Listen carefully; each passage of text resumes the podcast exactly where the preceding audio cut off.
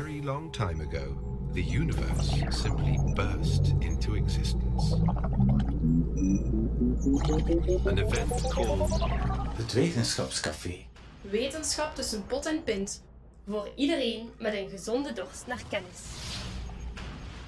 Hallo, goedenavond allemaal. Uh, welkom hier in uh, Eetcafé Torke. Ook de mensen thuis die via livestream uh, kijken, luisteren, volgen.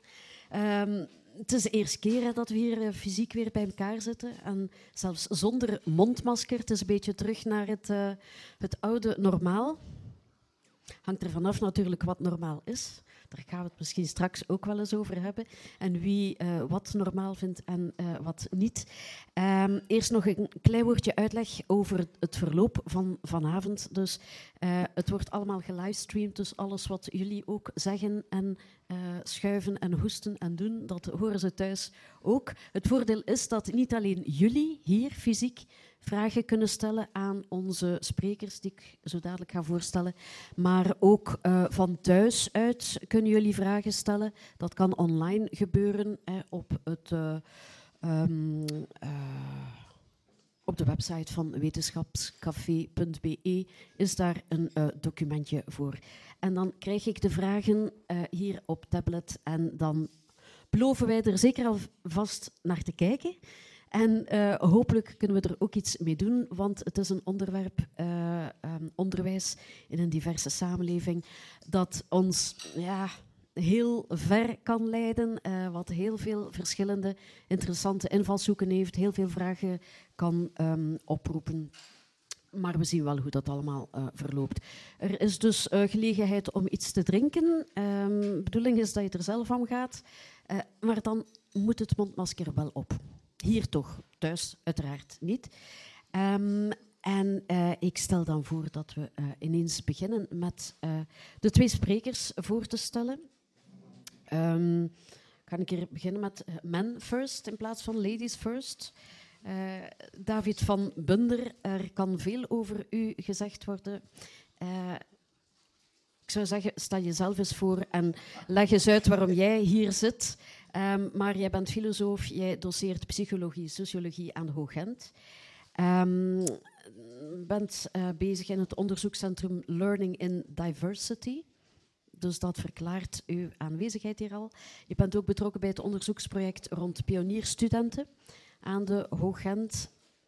Wat is, wat is een pionierstudent? Leg dat nog eens uit. Ja, oké. Okay. Um, pionierstudenten, dat zijn studenten uh, die als eerste in hun gezin um, verder gaan studeren. Hè. Dus uh, uh, van wie dat de, de, beide ouders geen diploma hoger onderwijs gehaald hebben en afhankelijk van de definitie ook niemand anders in het gezin. Hè. Dus die dus eigenlijk de eerste zijn in um, hun gezin die verder gaan studeren. In de literatuur over die definitie kan een beetje gediscussieerd worden. Dat heeft altijd iets arbitrair. Maar in ons onderzoek hebben wij ervoor gekozen om ons te beperken tot uh, studenten die echt de eerste zijn in hun gezin om uh, hogere studies aan te vatten. En daar komen diversiteit en inclusie uiteraard uh, bij kijken. Dus daar kunnen we het dan straks over hebben ook. En Marijke Wilsens van dat is nog een veel grotere uitleg, langere uitleg van de Artevelde Hogeschool. Uh, ik ga het kort en bondig samenvatten. Uh, jij bent orthopedagoge, onderzoeker, docent aan de um, twee Banaba-opleidingen Zorgverbreding en Remedierend Leren en Buitengewoon Onderwijs. Um, promotor van onderzoekslijn Excelleren in Inclusie, uh, nascholer van ondersteuners, coördinator Erasmus Plus programma Proud to Teach All, um, enzovoort, enzovoort. Maar uiteraard ook het pilootproject over diversiteit uh, in de lerarenopleidingen. Uh, en dat uh, is waarschijnlijk waarover jij het vanavond ook wel zeker kan hebben. samen met het ontwikkelen van programma's ik kan, ah ja, in verband met inclusief onderwijs, uiteraard. Uh, maar um, laat ons eerst eens gaan naar uh, het woord in de titel, dat misschien voor veel mensen evident is, diversiteit, maar voor veel mensen ook een andere invulling heeft. Dus wij kunnen hier, ik kan wel vragen, wat is de definitie van diversiteit? Maar dat valt niet te definiëren, denk ik dan? Of hebben jullie allebei een andere invulling van diversiteit? Wat is dat voor jou, Marijke?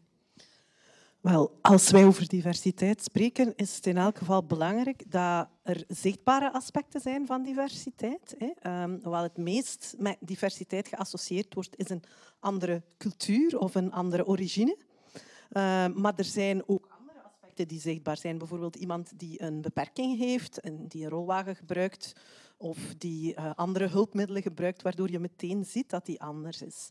En dan zijn er ook uh, heel wat elementen die meer met uw achtergrond te maken hebben, met uw gezinssituatie, die je niet altijd ziet aan kinderen en jongeren of uh, jongvolwassenen in het onderwijs.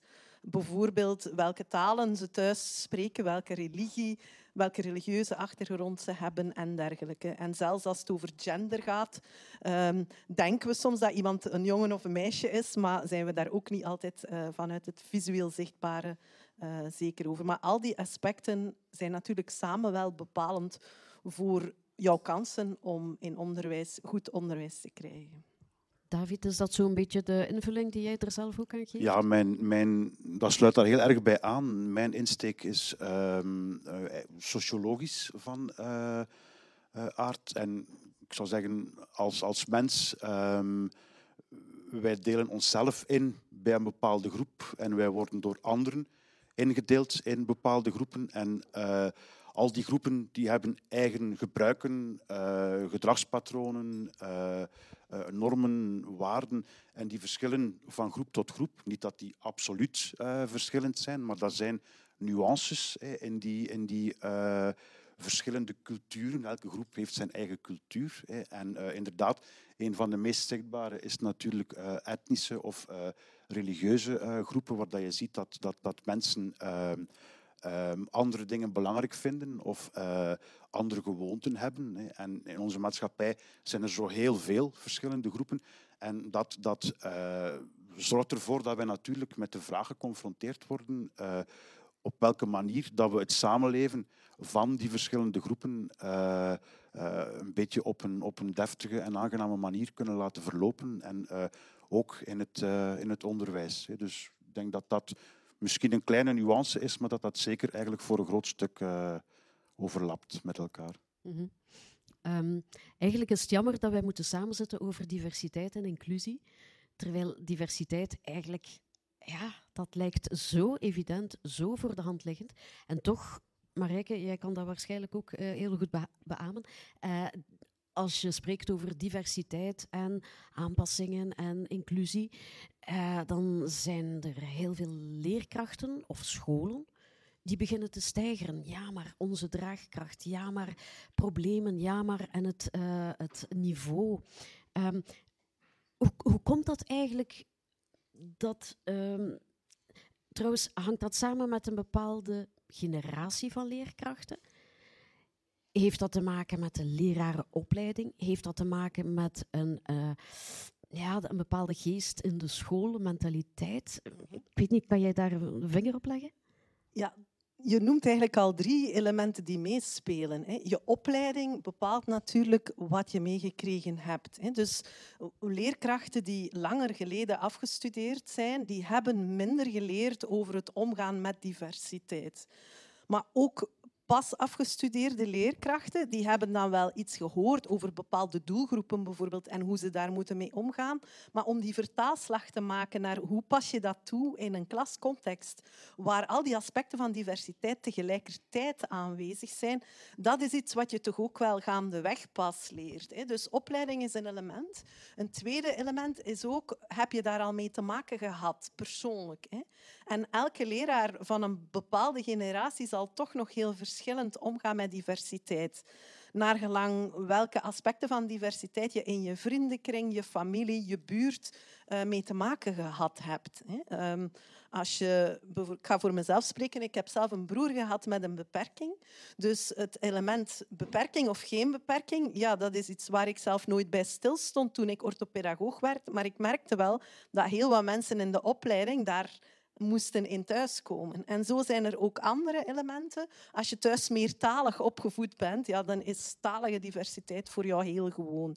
Dus dat is zeker, uh, zowel die opleiding als uh, jouw persoonlijke achtergrond speelt mee. En dan ook uh, ja, de ervaring die je samen opdoet in een team. En je sprak al eventjes over cultuur. Um, in scholen bijvoorbeeld is het ook wel geweten dat bepaalde schoolteams een meer inclusieve cultuur hebben dan andere schoolteams. Dus ook dat zal uh, bepalen hoe dat, ja, individuen die uh, in zo'n team komen werken daar sneller of vlugger mee vertrouwd geraken. We gaan straks nog eens ook hebben over de lerarenopleiding dan en eh, waar jij ook mee bezig bent.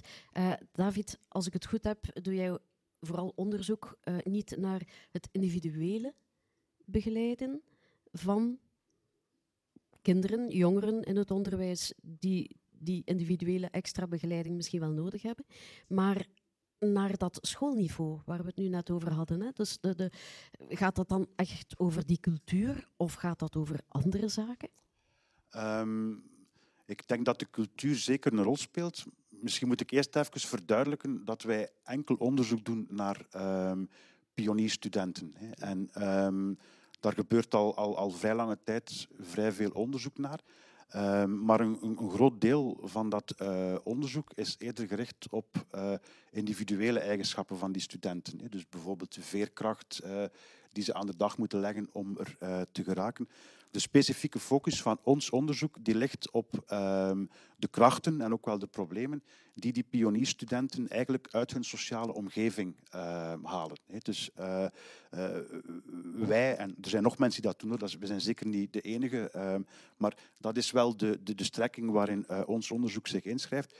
Wij, wij, plaatsen dat individu eigenlijk terug in die sociale context en willen nagaan op welke manier ervaren jongeren steun of belemmeringen vanuit die sociale context. En één van de aspecten waar wij op focussen, dat is inderdaad uh, de school.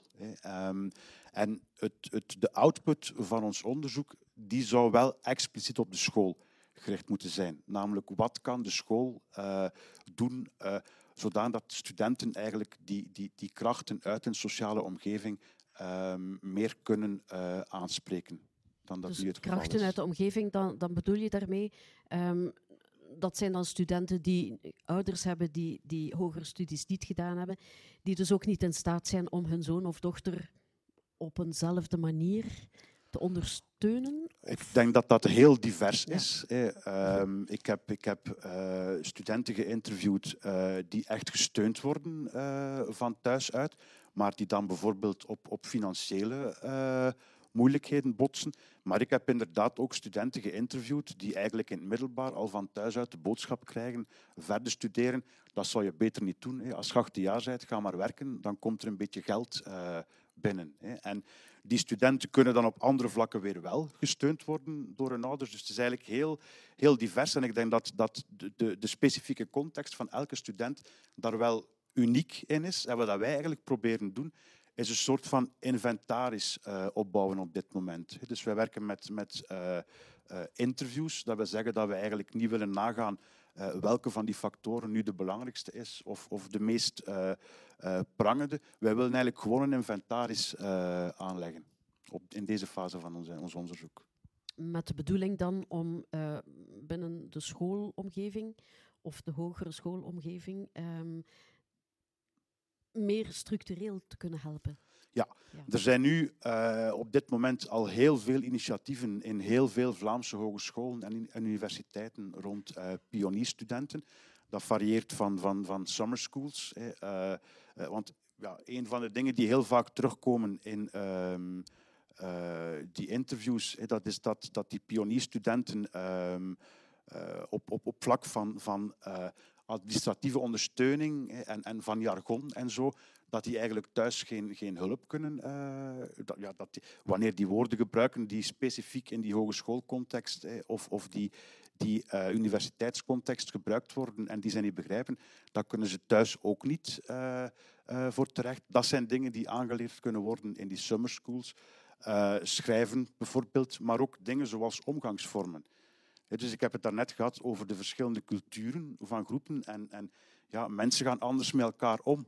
Eh, afhankelijk van of dat je nu, eh, ik zeg maar iets, uit de, de hogere middenklasse komt of je komt uit de arbeidersklasse. Dat zijn geen absolute verschillen. Dat gaat om, om nuance, maar in een schoolcontext kan dat wel een verschil maken. Ik geef les in, eh, ik ga de opleiding nu niet bij naam noemen, maar ik geef les in verschillende opleidingen.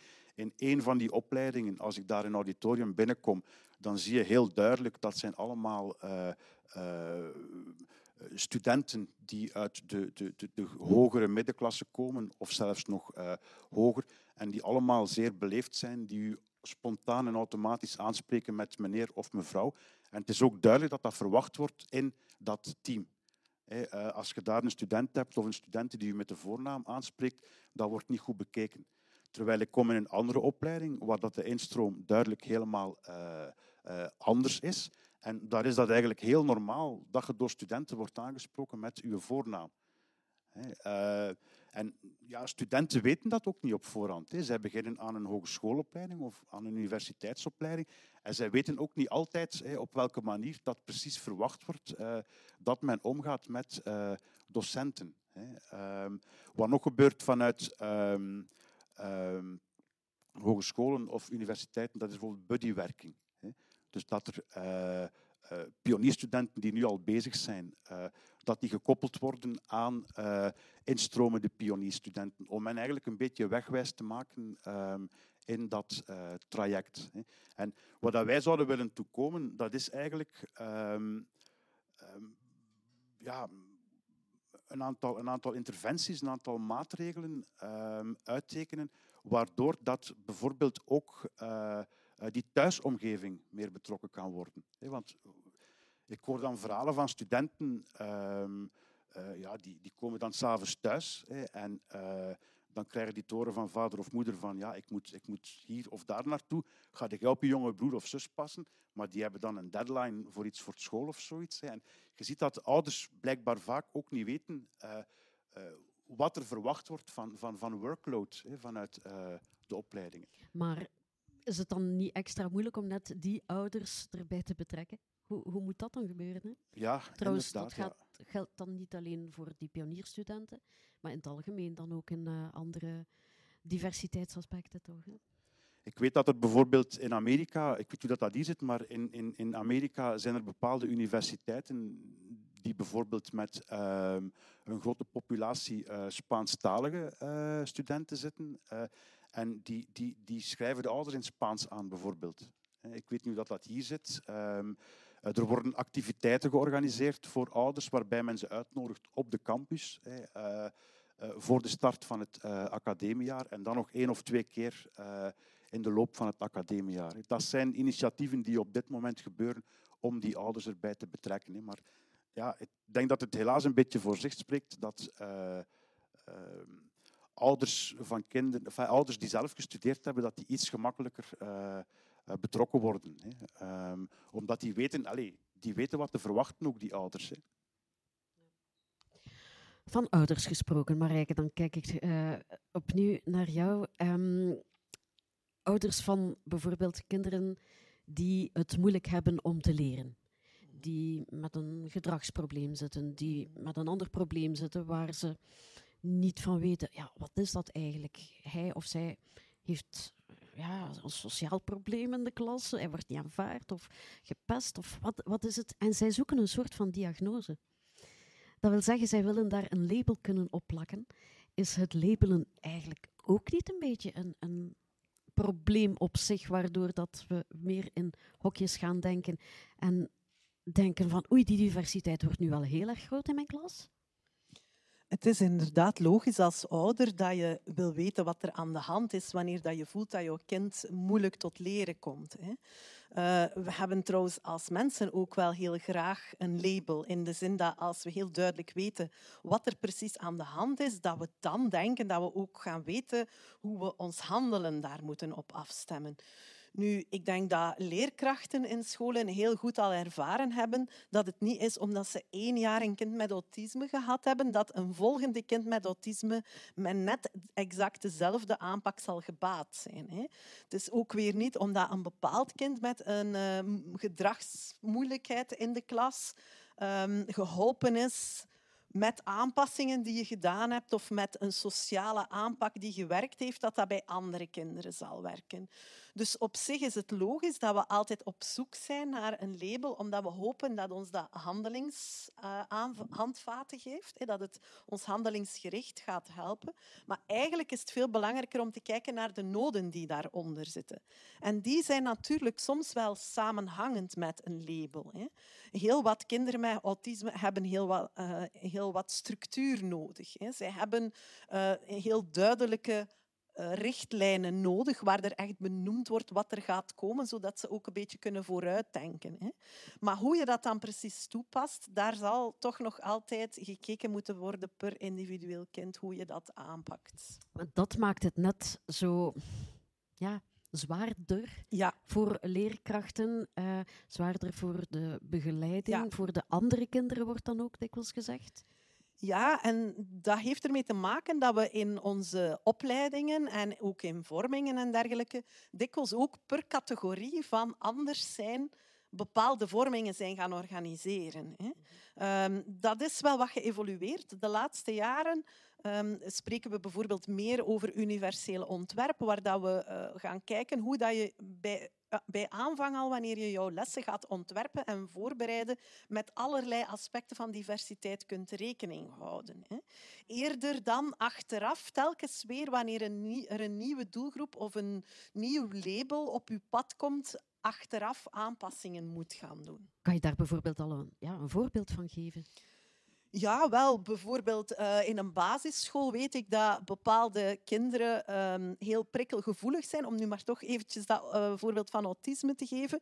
En dat die heel hard gebaat waren met het opzetten van een koptelefoon.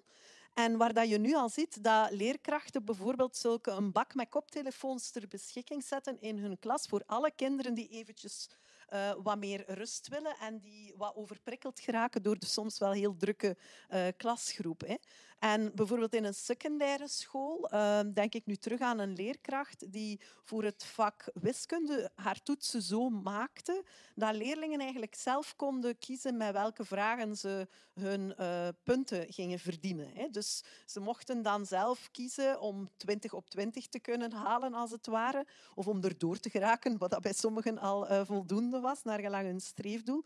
Eh, of ze dan bijvoorbeeld drie moeilijkere vragen maakten, die elk vier punten waard zijn, dan wel of ze een aantal heel makkelijke vragen, die maar één punt opleveren of twee punten opleveren, zouden samensprokkelen. En dat is zeker ook een element als leerlingen daar voelen het feit dat jij daar eigenlijk rekening mee houdt en er niet van uitgaat dat iedereen op dezelfde manier kan tonen wat dat hij geleerd heeft, ja, dat is iets wat kinderen wel vlug aanvoelen. Of ze nu een label hebben of niet, maar zij merken wel in de houding van een leerkracht dat die positief staat op dat moment tegenover het feit dat ja, op, je op verschillende manieren kan tonen wat je geleerd hebt.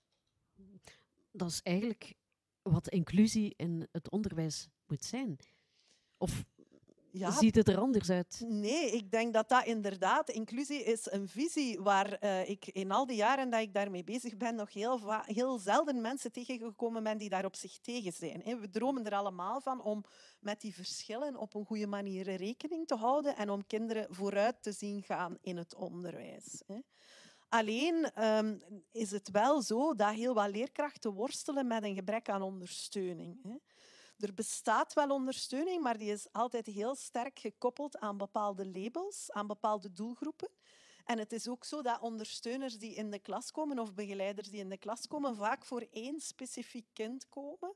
Die hebben dan allerlei adviezen in hun hoofd. Dat zijn soms ook therapeuten of psychologen bijvoorbeeld, of orthopedagogen zoals ik zelf, die, die adviezen hebben van dat zou je voor dit kind kunnen doen. Maar het is voor leerkrachten echt zoeken hoe je dat gaat toepassen in een groep waar iedereen wel iets anders nodig heeft. En dat is denk ik wel de uitdaging waar dat we voelen dat ehm, de laatste jaren het echt zoeken is hoe leraren daarin hun ervaringen ook met elkaar kunnen delen en elkaar kunnen ondersteunen. Eerder dan telkens te moeten wachten op een specialist, want er zijn voor heel veel van die zaken ook wachtlijsten, die dan met heel eh, gespecialiseerde en specifieke eh, tips komen, maar die niet altijd toepasbaar zijn in een klasgroep. Dus inclusief onderwijs, eh, ja, zeg maar. Ja, ah, wel, ik, ik, als ik sociologie geef, ehm, spreek ik zelf ook heel veel over labels.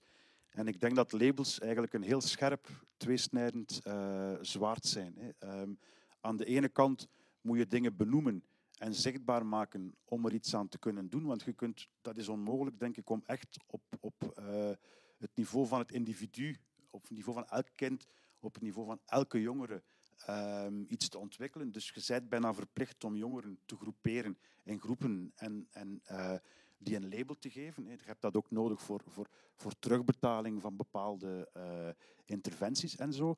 Maar labels hebben altijd wel het, het, het, risico dat mensen zich uiteindelijk daarmee gaan identificeren.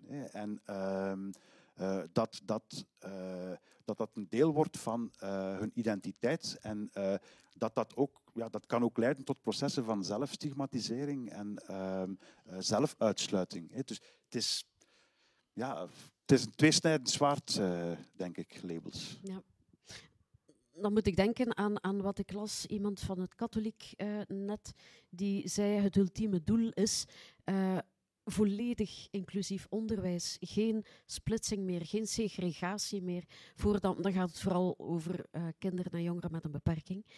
Um, iedereen gewoon bij elkaar en effectief zo'n algemene aanpak die voor iedereen goed zou kunnen zijn.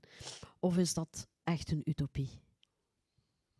Maar ik denk dat we wel uh, mogen dromen dat ieder kind wel kansen verdient en dat ieder kind wel een recht heeft, op zo kwaliteitsvol mogelijk onderwijs. Hè. Ik denk dat daar, of dat dan nu het katholieke net of ook de andere netten, ik, ik hoor daar bij alle koepels eigenlijk hetzelfde verhaal over. Hè.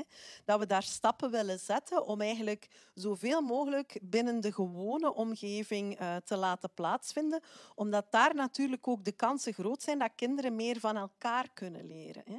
Als je alle kinderen die eenzelfde label hebben samenzet, ja, dan wordt het ook soms wel moeilijk om nog positieve voorbeelden, om nog positieve stimulansen te krijgen. En dat is ook iets waar ook de mensen in het buitengewoon onderwijs bijvoorbeeld zichzelf ook van bewust zijn. Ook zij zijn zoekende hoe ze met hun groepen kinderen uh, meer de stap kunnen zetten om bijvoorbeeld bepaalde kinderen soms te laten terugkeren. Want er zijn kinderen die bijvoorbeeld buitengewoon onderwijs type basisaanbod volgen in basis basisonderwijs, maar die nadien terugkeren naar een gewone beroepsafdeling dergelijke meer. Maar zelfs ook kinderen met, uh, ja, met een bepaald label die een hele schoolloopbaan in buitengewoon onderwijs zitten, die gaan nadien soms wel op een gewone werkplek uh, gaan werken. Die gaan ook in een gewone buurt gaan wonen. Hè. Dus het feit dat je uh, probeert om ja, al in de hele maatschappij ervan uit te gaan dat mensen divers zijn en dat we zoveel mogelijk dingen gewoon organiseren, daar is denk ik iedereen van overtuigd. Alleen de manier waarop we dat moeten realiseren, dat blijkt een uh, parcours met heel veel hindernissen te zijn, een heel lange weg ook omdat je daar merkt inderdaad dat uh, ja, wat dat goed is voor het ene kind, dat je daar toch wel weer nog creatief moet blijven als leerkracht om te kijken of dat ook kan werken voor andere kinderen. Maar dat is iets waar jij ondertussen ook mee bezig bent, om uh, leerkrachten in opleiding die handvaten aan te reiken. Op welke manier is dat? Ja, wat heel belangrijk blijkt te zijn, is dat um, mensen daar heel veel dingen vanuit hun buikgevoel doen. Wanneer ze omgaan met diversiteit, hè, heb je zo bepaalde reflexen of bepaalde manieren om je te gaan aanpassen aan een persoon die anders is. Maar je doet dat eigenlijk zonder daar heel veel bij na te denken. En het gesprek voeren met uh, ja, collega-studenten bijvoorbeeld, maar ook um, ja, in groepen waar ik geef ook heel vaak nascholingen aan schoolteams of in groepen ondersteuners, met collega's daarover praten, is heel belangrijk om expliciet te maken van hoe pak jij dat eigenlijk aan? Hoe ga jij nu om met bepaalde kinderen die van thuis uit minder kansen krijgen, zodanig dat die ervaringen die er zijn in een schoolteam ook meer kunnen circuleren en dat bijvoorbeeld ook in de lerarenopleiding de ervaringen die studenten misschien hun eigen loopbaan gehad hebben. Want studenten die nu bij ons zitten, die hebben dikwijls wel al heel wat diversiteit meegemaakt in het secundair. Dat zij vanuit die ervaringen toch ook wel wat breder gaan kijken en niet alleen de achtergrond mee hebben vanuit hun eigen school waar ze vandaan komen. -hmm. Nu, um, we zijn bezig over diversiteit in scholen, uh, maar die diversiteit is er dan uiteraard in de samenleving. De school moet daar ook een spiegel van zijn en vice versa. Maar er zijn. Waar moeten jongeren en kinderen zich aan spiegelen als die voorbeelden uh, van diversiteit niet in de aandacht komen? David. Ja, dat is een terechte opmerking en ik heb daar ook uh, geen, geen um, pasklaar antwoord op. Ik, ik, denk dat je wel kan zeggen dat op dit moment, en ik weet niet of dat een goede zaak of een slechte zaak is, maar op dit moment wordt eigenlijk wel een beetje verwacht dat uh, om te slagen, dat je eigenlijk toch een beetje de normen en de waarden en de attituden van de middenklasse overneemt. Dat is een proces dat men professionele socialisatie noemt, waarbij dat je eigenlijk op bepaalde vlakken verandert. En ik denk in het hoger onderwijs uh, uh, komt dat er inderdaad vaak op neer dat je een beetje moet worden uh, zoals de mensen die, die lesgeven. Um, en ja, er zijn wel heel diverse uh, verschillen tussen, tussen leerkrachten, uh, maar die zijn misschien niet altijd zichtbaar. Uh, de oorspronkelijke socio-economische status. Ik ben bijvoorbeeld kind van twee arbeiders, maar zet een leerkracht naast mij die kind is van twee universiteitsprofessoren. En denk niet dat je het verschil gaat zien. En dan zijn er een aantal aspecten rond diversiteit die natuurlijk wel heel zichtbaar zijn. bijvoorbeeld huidskleur. Uh, bijvoorbeeld godsdienst kan, kan iets zijn dat heel zichtbaar is. En het is inderdaad waar dat het, het onderwijs, en zeker ook het hoger onderwijs, um, op dat vlak op dit moment helemaal geen spiegel van de maatschappij is. Maar wat ik wel zie, en ga die uitspraak heel voorzichtig doen, omdat dat een uitspraak is die eigenlijk puur anekdotisch is, dat wil zeggen enkel gebaseerd op mijn eigen ervaring, um, is dat de, de opleidingen waar ik les in geef en waar dan wel een aantal zichtbaar diverse uh, leerkrachten in zitten, dat zijn eigenlijk ook de, de, de, de richtingen waar er bij de studenten al heel lang een heel diverse instroom is. En dat begint nu uh, door te sijpelen. Want dat is dan natuurlijk heel de discussie. Hè. Er was daar vorige week uh, een opiniestuk in de wereld, de wereld Morgen Ehm, specifiek over die kwestie. Er was een, een, een, meisje, als ik me niet vergis, die zei van waarom zou ik leraar willen worden? Ik heb in heel mijn carrière eigenlijk uh, ene keer een, een, een leerkracht van vreemde origine gehad. En dat was mijn zus die stage kwam doen in de school waar ik zat. Maar dan stelt zich de vraag, ja, ga je dat doen door eigenlijk aan, aan de top, bij wijze van spreken, veranderingen door te voeren en... Ehm, uh, positieve discriminatie toe te passen? Of ga je dat eigenlijk proberen van aan de basis, wat dan meer een werk van lange adem is, en ervoor zorgen uh, dat die studenten uh, die nu uitvallen, want ja, die komen wel binnen, maar ehm, eh, er vallen er vrij veel van, van, van uit, in sommige richtingen toch. Uh, moeten we niet proberen om die beter voor te bereiden, zodat die eigenlijk hun slaagkansen verhogen en dat op die manier eigenlijk uh, de diversiteit onder het lerarenkorps bij wijze van spreken vanzelf uh, toeneemt. Wat ik in elk geval denk, is dat beeldvorming in het algemeen ook wel belangrijk is. Hè. Uh, ik vind het zelf wel fijn als er voorbeelden zijn van bijvoorbeeld een blinde leraar of een dove leraar. Of er is een leraar die uh, een andere godsdienst heeft. Of een, is een leraar die vanuit Holebi zijn, zijn verhaal eens vertelt uh, in de media.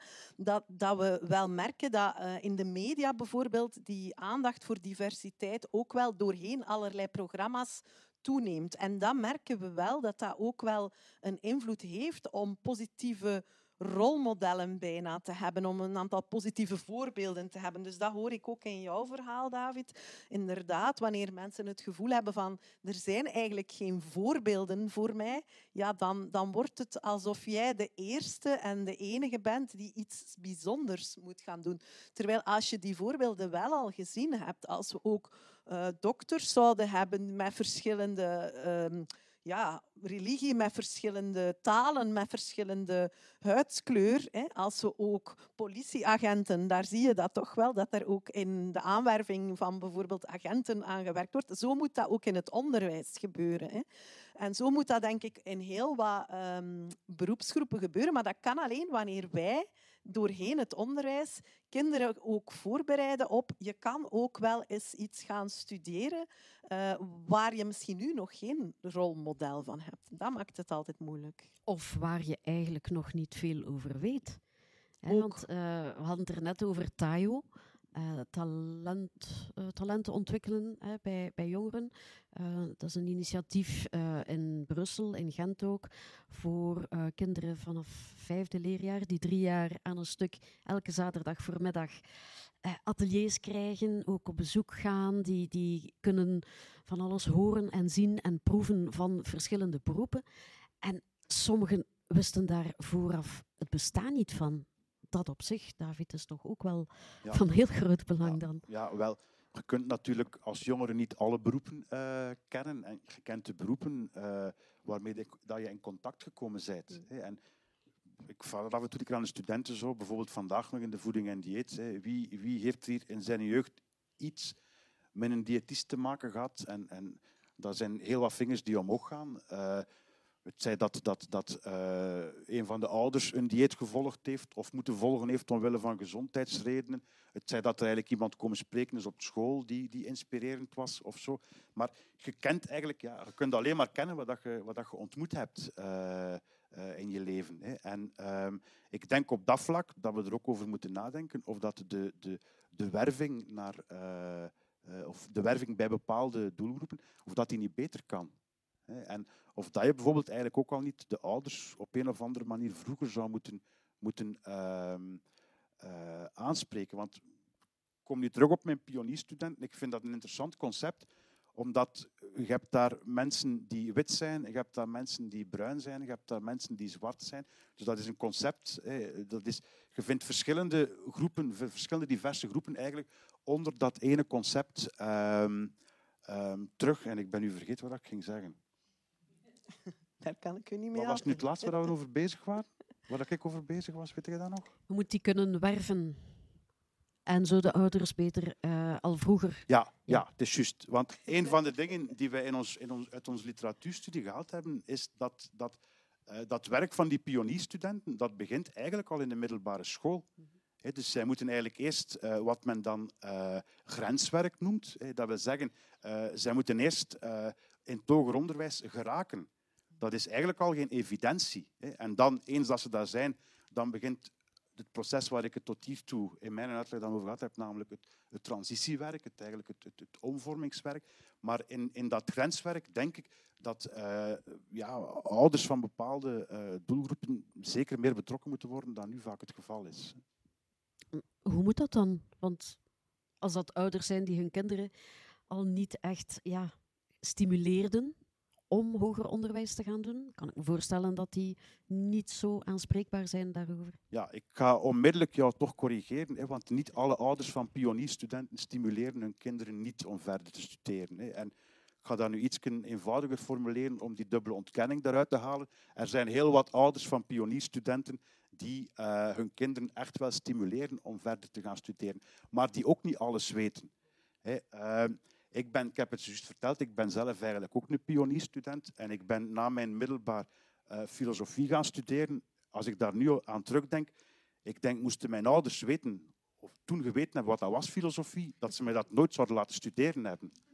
He, uh, dus in, mijn geval was het misschien een voordeel, maar ja, het, gaat om informeren, denk ik. Ja, ouders die niet echt stimuleren, dat is, dat is dat is een moeilijke, hè, denk ik. Daar heb ik ook echt geen antwoord op. Hè. Uh, ouders die hun kinderen niet stimuleren om, om, om verder te gaan studeren, die worden dan vanuit de middelbare school. Ik heb zo'n studenten geïnterviewd die vanuit de middelbare school wel, wel, wel gestimuleerd werd, hè, maar waarbij dat, als ze daarover sprak thuis, dat was gelijk of dat ze, weet ik veel wat, Sanskriet aan het spreken was. Hè. Dat, dat, dat drong niet door. Hè. En op een dag kwam ze dan thuis en zei ze dat ze zich ingeschreven had. En, en de ouders vielen uit de lucht, hè. waren echt verrast. Tuurlijk, dan zit je ook met het probleem. Uh, stel dat zo'n pionierstudent um, of een andere student die niet echt een, een, een sterk netwerk rond zich heeft, um, niet echt slaagt of niet echt presteert zoals die zelf zou willen. en die heeft geen netwerk om op terug te vallen. Dat is dan nog een extra probleem dan toch? Ja, inderdaad. Vandaar dat heel wat van die initiatieven ook, ook daarop focussen. nee, Op het, eigenlijk het uitbouwen van een netwerk, het integreren van eh, die studenten in, in eh, de academische wereld, maar dan in de zin van, van de, de, de wereld van de studenten. Dus er worden netwerken gebouwd, er worden eh, evenementen georganiseerd waar pionierstudenten elkaar eh, kunnen ontmoeten. En dat zijn dan niet noodzakelijkerwijze evenementen waarbij men heel de tijd babbelt over eh, word jij ook niet gestimuleerd van thuis uit? Of weet uw pa of ma ook niet wat een decaan is of zoiets? Maar dat gaat vaak over culturele uitstappen of zoiets. Eh, eh, men gaat naar theater of dergelijke meer. omdat men precies ziet dat inderdaad dat, dat, dat, dat netwerk eigenlijk van belang is. Dus de, de, de ouders zijn van belang. eh, de schoolse omgeving is van belang. En dan bedoel ik eigenlijk het, het, het beleid van de school. En dan ook het, het, het, het vriendennetwerk, het netwerk van medestudenten eh, op de school. Dat zijn En dat, zijn een, dat soort netwerk is dan voldoende om een student die het even niet meer ziet zitten omdat zijn of haar eh, resultaten minder zijn, om weer courage te krijgen, om weer motivatie te krijgen. Absoluut. Ja. Nee, nee, dat is een beetje ironisch dat ik dat nu zeg. Het, eh, een van de grote moeilijkheden met dit soort eh, interventies is dat daar eigenlijk geen effectiviteitsstudies naar zijn. Dus wij kunnen eigenlijk niet met, met, met eh, een grote zekerheid zeggen eh, wat de impact is van dergelijke programma's. Ehm, eh, maar het, het, ja, ik zou zeggen, het gezond verstand, en dat kan ons inderdaad soms bedriegen, daarom doen we onderzoek waarbij dat we dat gezond verstand toch een beetje proberen te onderbouwen. Het gezond verstand lijkt me van te zeggen dat dat wel iets is dat een effect kan hebben voor veel studenten. Wel, in onderwijs ehm, weet ik dat er wel de laatste jaren ook wel wat onderzoek gebeurt naar inderdaad gaan kijken of dat netwerken veranderen. Hè. En ik denk dat dat wel belangrijk is. Dat, ja, naar hoger onderwijs toe is dat iets anders. Maar ik denk in een basisschool en in een secundaire school dat sowieso ehm, het netwerk op school zelf ook heel belangrijk is. Hè. Ehm, ook daar zijn er inderdaad ouders die meer betrokken zijn op wat er op school gebeurt, op het eerste zicht, of die op het eerste zicht meer steun geven. Maar het is heel belangrijk om ook ouders te gaan betrekken die op het eerste gezicht misschien weinig steun geven. Als ouders van kleins af al meemaken dat er echt naar hen geluisterd wordt, dat er echt respect is voor wie zij zelf zijn, eh, dat ze niet scheef bekeken worden, omdat bijvoorbeeld papa die van een werf komt in de bouw eh, en die dan naar school komt, naar het oudercontact, dat hij daar met zijn vieze kleren staat en met bottinen aan en nog hè, eh, met zijn handen nog niet gewassen. En er wordt gewoon heel respectvol met zo'n papa even goed omgegaan dan met de vader die net van kantoor in kostuum toekomt op school.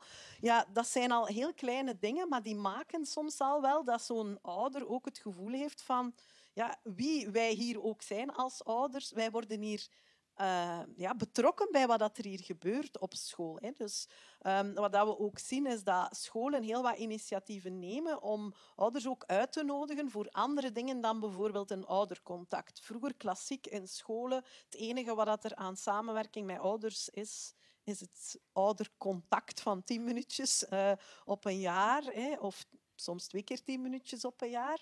Maar mm, er zijn heel wat andere manieren die scholen uitproberen eh, om ouders bijvoorbeeld bij koffievoormiddagen eh uit te nodigen of met uitstappen, eh, waar dat ouders ook bijvoorbeeld over allerlei beroepen in de klas eens kunnen komen vertellen. En dat het niet alleen ouders zijn die bijvoorbeeld een, ja, een beroep hebben wa- waar er typisch gezien in onze samenleving wel wat aanzien voor is, maar dat er daar ook een hele brede waaier eh, aan hobby's bijvoorbeeld ook, eh, niet alleen beroepen, hè, want je moet ook maar eens als kind van werklozen bijvoorbeeld, ehm, ja, als, als de, de juf of de meester zegt, eh, maak allemaal een, maak eens een filmpje, hebben we nu vaak gezien eh, met corona, hè, waar dat jouw mama of papa iets vertelt over wat hij doet op het werk. Ja, ook daar is het belangrijk dat het niet alleen hoeft te gaan over werk, maar ook over hobby's, over sterktes, over dingen die mensen graag doen, zodanig dat ouders gewoon veel meer ehm, in het schoolse gebeuren ook als partner betrokken worden. En als ouders dat niet doen, ja, dan zijn er ook nog heel wat andere partners die het kunnen, uh, die het netwerk rond een kind kunnen versterken. Uh, het valt bijvoorbeeld op dat um, als kinderen uh, heel moeilijk gehad hebben met leren, hè, maar die zijn toch ergens geraakt, dat die altijd wel kunnen vertellen over een of andere leraar die hen vroeger ooit gesteund heeft. En dat is er dan soms maar één, van een bepaald jaar van het middelbaar of een bepaalde juf in de lagere school die echt zag van jij kan ook iets worden. Hè. Maar dat is superbelangrijk voor kinderen.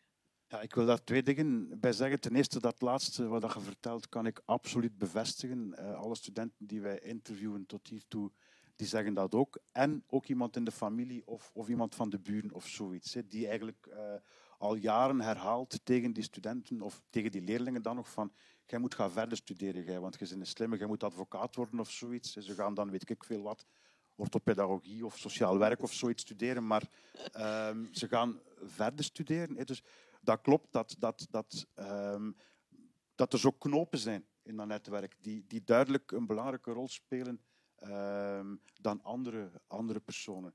En een tweede punt dat ik uh, wil zeggen, eigenlijk aansluitend bij jouw opmerking over dat transformeren van het uh, netwerk. Uh, je mag ook niet vergeten, denk ik, dat ehm, sociale mobiliteit, dat, dat, dat je daar misschien ook een prijs voor moet betalen. Want ehm, wij leven in een land, denk ik, waar heel veel sociale mobiliteit mogelijk is, zowel omhoog als omlaag. En mensen krijgen veel kansen, maar er zijn ook verhalen van mensen die dan eigenlijk uh, uh, opklimmen op de sociale ladder, maar die vervreemden van hun vroegere vriendenkring, die vervreemden van hun ouders. Ik denk een jaar of twee geleden stond er een artikel in De Groene Amsterdammer, dat heette In, in de Buitenbaan, waar een Nederlandse onderzoeker naar pionierstudenten, die zelf ook pionierstudent was, vertelde eigenlijk over hoe dat hij dan in de weekend naar huis ging en eigenlijk bij wijze van spreken, ik, maak nu, vertel het nu iets straffer dan dat, dat, dat, hij het vertelde, maar dat hij iedere keer dat hij naar huis ging, dat hij bij wijze van spreken minder onderwerpen had om uh, met zijn ouders over te babbelen. Hè. En er is ook het heel mooie boek van de Franse socioloog uh, Didier Eribon, Retour à Reims, waarin hij eigenlijk, het is een, een, een, een mengeling van een sociologisch essay met zijn eigen autobiografie, waar hij vertelt hoe hij eigenlijk opgroeit in een, in een in een arbeidersgezin. Dat is natuurlijk langer geleden, in de jaren 60 ehm, of 50 zelfs, ik weet het niet. En uh, het heeft ook te maken met zijn, zijn seksuele geaardheid, want hij is homoseksueel. Maar de combinatie van het, het intellectueel willen zijn, hij gaat filosofie studeren, en het homoseksueel zijn, dat dat ervoor zorgt dat hij eigenlijk... En je kunt moeilijk zeggen bij wie dat de oorzaak of bij wie dat de schuld ligt, maar wat er gebeurt is dat hij eigenlijk gedurende jaren geen contact meer gehad heeft met zijn uh, ouders en broers en zussen en eigenlijk pas terug contact opneemt met zijn moeder op het moment dat hij verneemt dat zijn vader overleden is. Hè. Uh, dus ja, het is zeker niet uitsluitend een, een, een um, uh, hoe zeg je dat?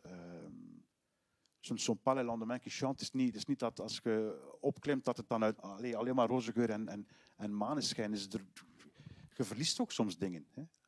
Um, en dat is allemaal moeilijk, moeilijk om, om, om, om in te calculeren uh, wat de effecten daarvan gaan zijn. Dat is eigenlijk allemaal heel moeilijk te voorspellen. Hè.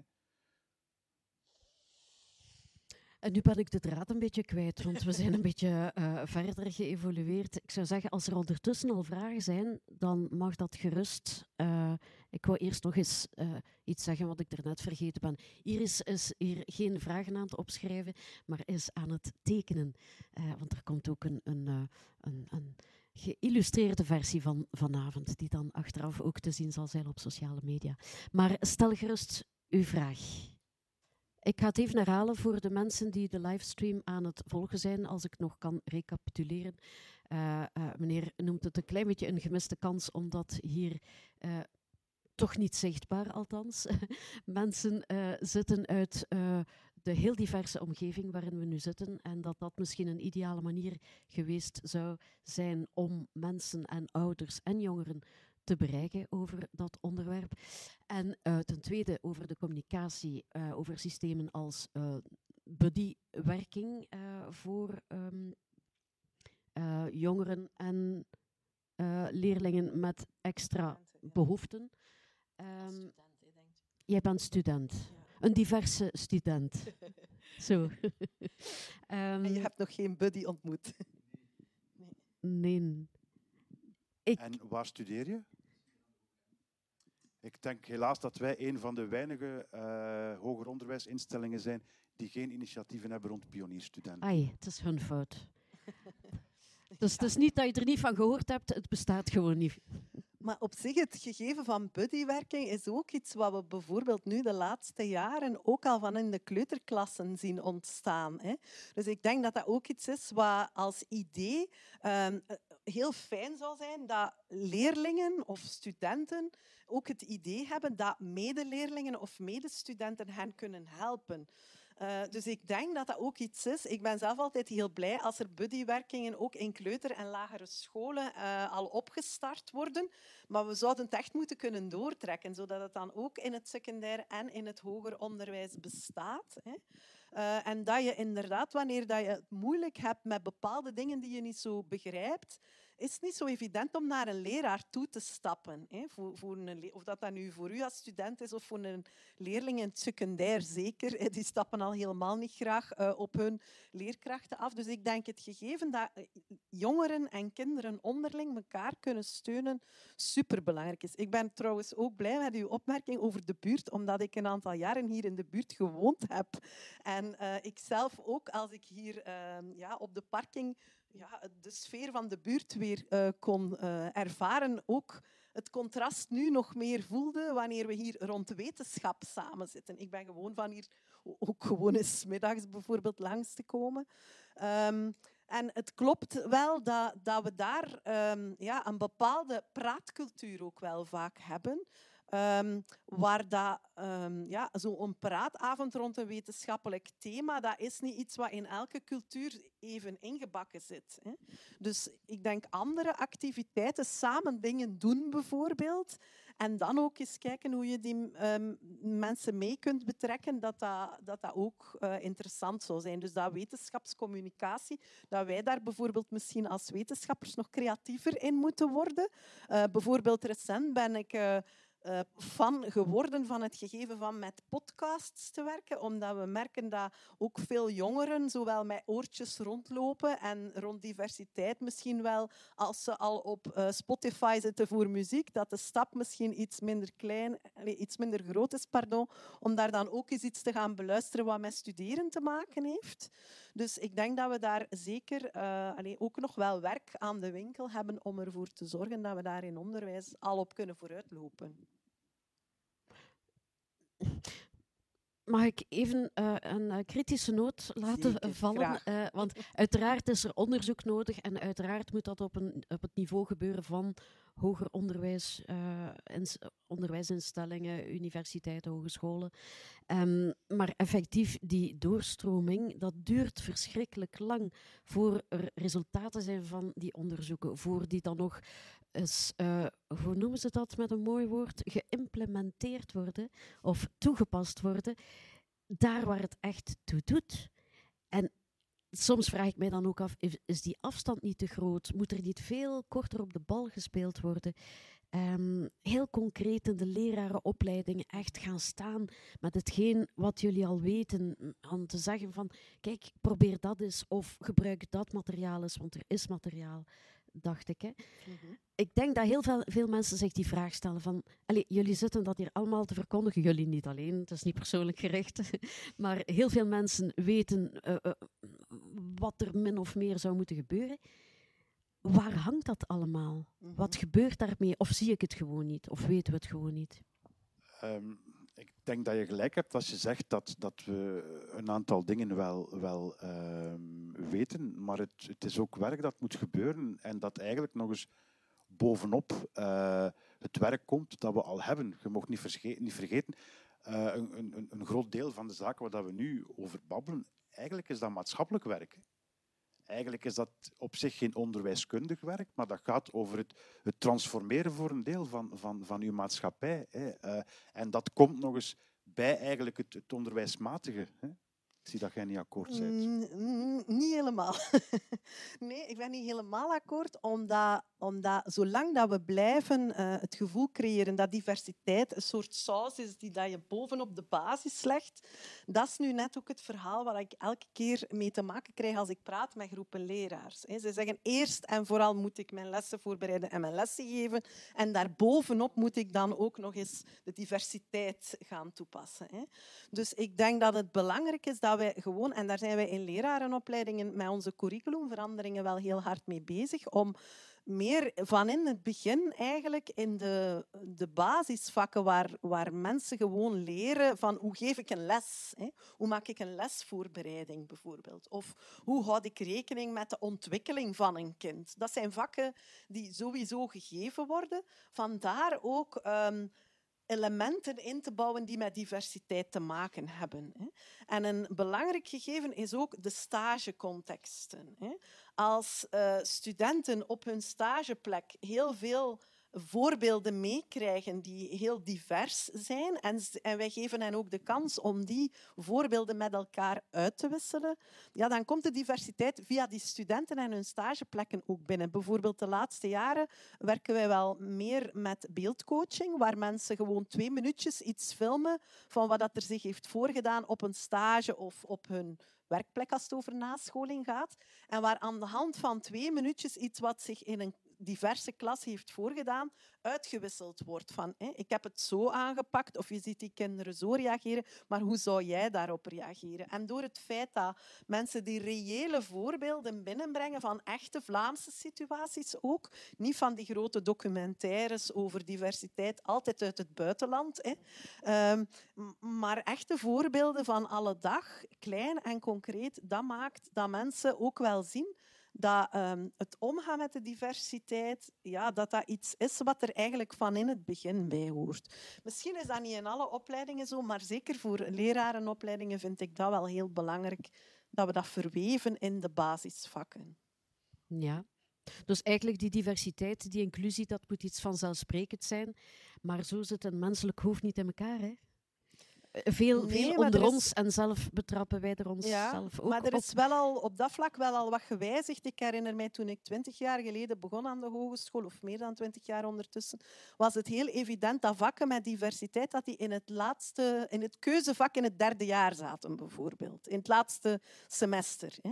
Terwijl ik dan ook toch echt wel merk nu dat vanaf het eerste semester van het eerste jaar er ook al vakken zitten die te maken hebben met omgaan met diversiteit. Hè. Dat wil niet zeggen dat alles daarmee opgelost is, maar ik merk wel dat het ook echt gaat over ja, concrete dingen die mensen uitgeprobeerd hebben in hun lessen. Differentiëren is op zich wel iets wat iedereen in onderwijs heeft meegekregen. Er zijn leraren die, uh, ja, die twee jaar voor hun pensioen waren en die mij in nascholingen zeiden wij hebben eigenlijk ook wel over differentiatie gehoord al toen zoveel jaren geleden. Hè. Maar hoe dat, dat uiting krijgt, ja, de kinderen zijn wel veranderd. De context is maatschappelijk wel veranderd. Dus de soorten voorbeelden, uh, ja, die kunnen mensen best van op hun stageplek of hun werkplek meebrengen om aan de hand daarvan ook te gaan uitwisselen hoe je de theorieën uh, daarover dan gaat toepassen. -hmm. Oké. Um, er zijn nog een paar vragen.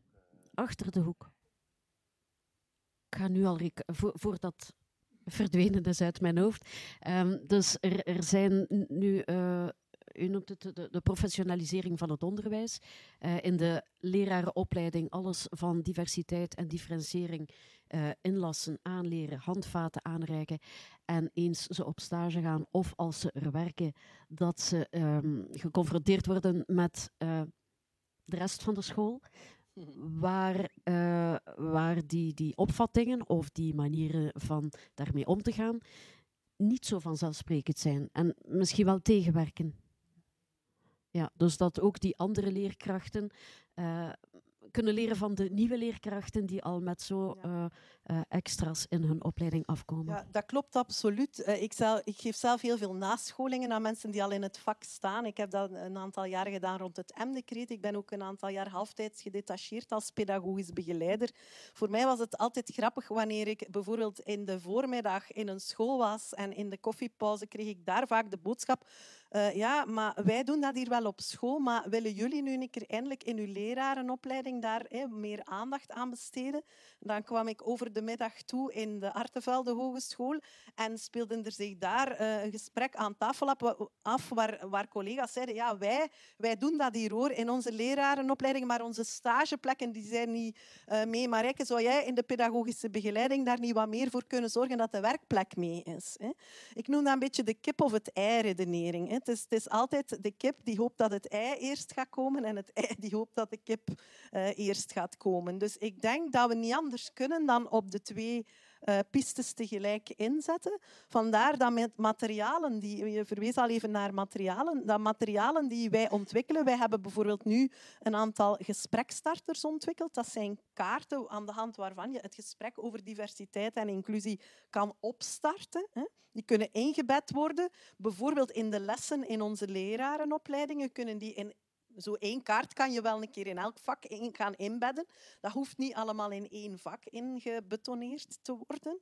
Dat is daar het voordeel van. Maar dat is ook iets wat we dan bijvoorbeeld ook um, ja, gaan benutten om eens op een personeelsvergadering of in een of andere werkgroep te lanceren in schoolteams. En waar dan vervolgens mensen ook gewoon per twee of per drie collega's mee aan de slag kunnen. Om het over dit soort thema's ook te hebben met elkaar, hoe je daar op reageert. Want het gaat niet over kennis hebben. We weten wetenschappelijk dat leraren niet zoveel extra kennis over bepaalde doelgroepen of stoornissen of zo nodig hebben. We weten eigenlijk dat leraren vooral uh, een positieve houding moeten kunnen ontwikkelen. En die heb je niet zomaar van vandaag op morgen, dat ontwikkel je. Uh, en dat zij eigenlijk ook uh, op zoek zijn naar voorbeelden hoe dat je je leeromgeving kunt aanpassen aan de groep die voor u zit. En die is elk jaar anders. Hè. En dan een ander aspect gaat over samenwerking. En kunnen samenwerken, kunnen um, ja, weten dat er een vangnet is voor jouzelf, dat je het niet allemaal in je eentje hoeft op te lossen, dat is ook iets heel belangrijk. Dus net door daar die dialoog al op gang te brengen doorheen de opleidingen, maar dezelfde soort dialoog op de werkplek in nascholingen bijvoorbeeld of via samenwerkingsprojecten. We zijn nu in het uh, nieuwe project Flexio ook een samenwerking gestart weer met pedagogische begeleidingsdiensten, met het onderwijscentrum van Gent bijvoorbeeld ook, hè, die daarin meedenken hoe we ook de organisatie in scholen daar kunnen op afstemmen. Want professionalisering ja, veel leraren en schoolteams zijn ervan overtuigd dat dat heel belangrijk is, maar ook daar, er, is, er wordt heel weinig tijd voor vrijgemaakt en daar zijn ook niet altijd zo uren voor beschikbaar. Dus we zijn daar nu vooral, uh, het, het, heet niet toevallig Flexio, het gaat over flexibel organiseren ook. Hè. Uh, eerder dan inhoudelijk uh, weer nog nieuwe tools of materialen of kennis aan te reiken, want er is al heel veel over diversiteit en inclusie, willen we nu vooral gaan kijken hoe organiseer je dit? Hè? En wat kunnen we doen om misschien bepaalde barrières ook in de regelgeving weg te nemen? Of welke stimulansen moeten we misschien ook van het beleid gaan vragen? Hè? Om maar één voorbeeldje te geven. Um, scholen hebben, uh, ik denk, 2,5 pedagogische studiedag op een jaar ter beschikking. Hè? om u te professionaliseren. Dat is zeer weinig nu. Dat is ook niet het enige. Naast die elementen van pedagogische studiedag zijn er ook wel andere elementen. Maar op zich, het feit dat wij als samenleving zeggen tweeënhalf dagen op een jaar professionaliseer je u, ja, dat is wel heel weinig bekeken op een heel schooljaar. Dus zulke dingen uh, ja, zijn we ook aan het onderzoeken van ja, wat zou er dan wel nodig zijn. Of als het bij die beperkt aantal dagen uh, is die je echte kinderen, hè, want je kan de kinderen natuurlijk niet altijd bij hun ouders thuis zetten voor pedagogische studiedag. Wat kan je dan nog doen om bijvoorbeeld toch ook bepaalde leraren zich te laten professionaliseren, terwijl er op dat moment toch ook zinvolle andere activiteiten kunnen komen die ook leer, leerzaam zijn voor de kinderen? Dan denk ik aan, aan uh, de, ja, de hervorming in secundair onderwijs met de brede graden en zo. Dan ga je ook veel meer een wisselwerking hebben. Niet alleen tussen leerlingen die elkaar leren kennen, met andere achtergronden, achtergronden talenten, uh, mogelijkheden, maar ook leerkrachten, als ik mij niet vergis. Zou dat een voordeel kunnen zijn? Um, nu, de structuren, dat duurt altijd langst om die te veranderen. Dus de hele hervorming secundair onderwijs is al redelijk lang voorbereid. Ehm, en ik weet zelf ook nog niet goed of wat dat er nu van de hervorming geworden is, of dat dat er echt toe zal leiden wat ik ervan gehoopt had. Hè. En dat ligt in de lijn van wat je zelf zegt, dat ook eh, teams diverser zouden worden en dat ook kinderen langer samen zouden zitten in het secundair met kinderen met, eh, allee, die niet allemaal voor hetzelfde vak gekozen hebben. Hè. Eh, dus ik weet niet of het, dat het enige is, maar het is in het algemeen wel zo dat er inderdaad soms ook wel structurele eh, belemmeringen zijn en dat leraren dat vaak ook wel voelen wat er aan de hand is, maar niet goed weten hoe ze die signalen ook echt tot op de juiste tafel krijgen om dat beleid te beïnvloeden. Ik heb een tijdje zelf in sociaal werk gewerkt, sociaal werk gewerkt, in de opleiding sociaal werk. En ik merkte toen dat studenten van sociaal werk veel sneller op zoek gaan ook naar hoe kunnen we dat hier maatschappelijk veranderen. En als we het hier niet eens zijn, maar wat er hier in de structuren gebeurt, ja, dan desnoods eh, gaan we hier protesteren. Of ze zoeken wel manieren om die structuren ook om te buigen. In onderwijs is dat veel minder de cultuur. Ehm, ik vind soms dat, eh, ik zeg dat vaak ook tegen onze Banaba-studenten die al werken in scholen, dat zij soms best wel wat minder braaf zouden mogen zijn. En wel eens wat vaker zouden mogen eh, echt stappen ondernemen. Eerst naar hun directeur. En als die directeur niet direct een oplossing... Want die zegt dan ook vaak van, ik kan dat niet oplossen. Van dan ook wel door te bomen van, ja, oké, directeur, jij kan het niet oplossen, maar op wiens tafel kunnen we het dan wel leggen? Of bij wie moeten we dan wel gaan aankloppen? En wie zijn misschien ook organisaties die ons kunnen helpen? Hè? Denk dan bijvoorbeeld aan schoolopbouwwerk, waar daar heel wat maatschappelijke werkers eh, zitten die know-how hebben in hoe dat je maatschappelijke verandering ook eh, kunt ja, teweeg brengen. Hè? Dus die samenwerking met mensen van andere disciplines, zoals sociaal werkers, ehm, zou daar toch wel wat mogelijkheden kunnen geven, denk ik. En minder braaf zijn, dat onthoud ik ook. Ja. Meer de mond open doen. Eh, daar is nog iemand die de mond wil open doen voor een vraag. Dus ik ga dat even eh, eh, proberen kort samen te vatten voor de mensen die van thuis aan het volgen zijn.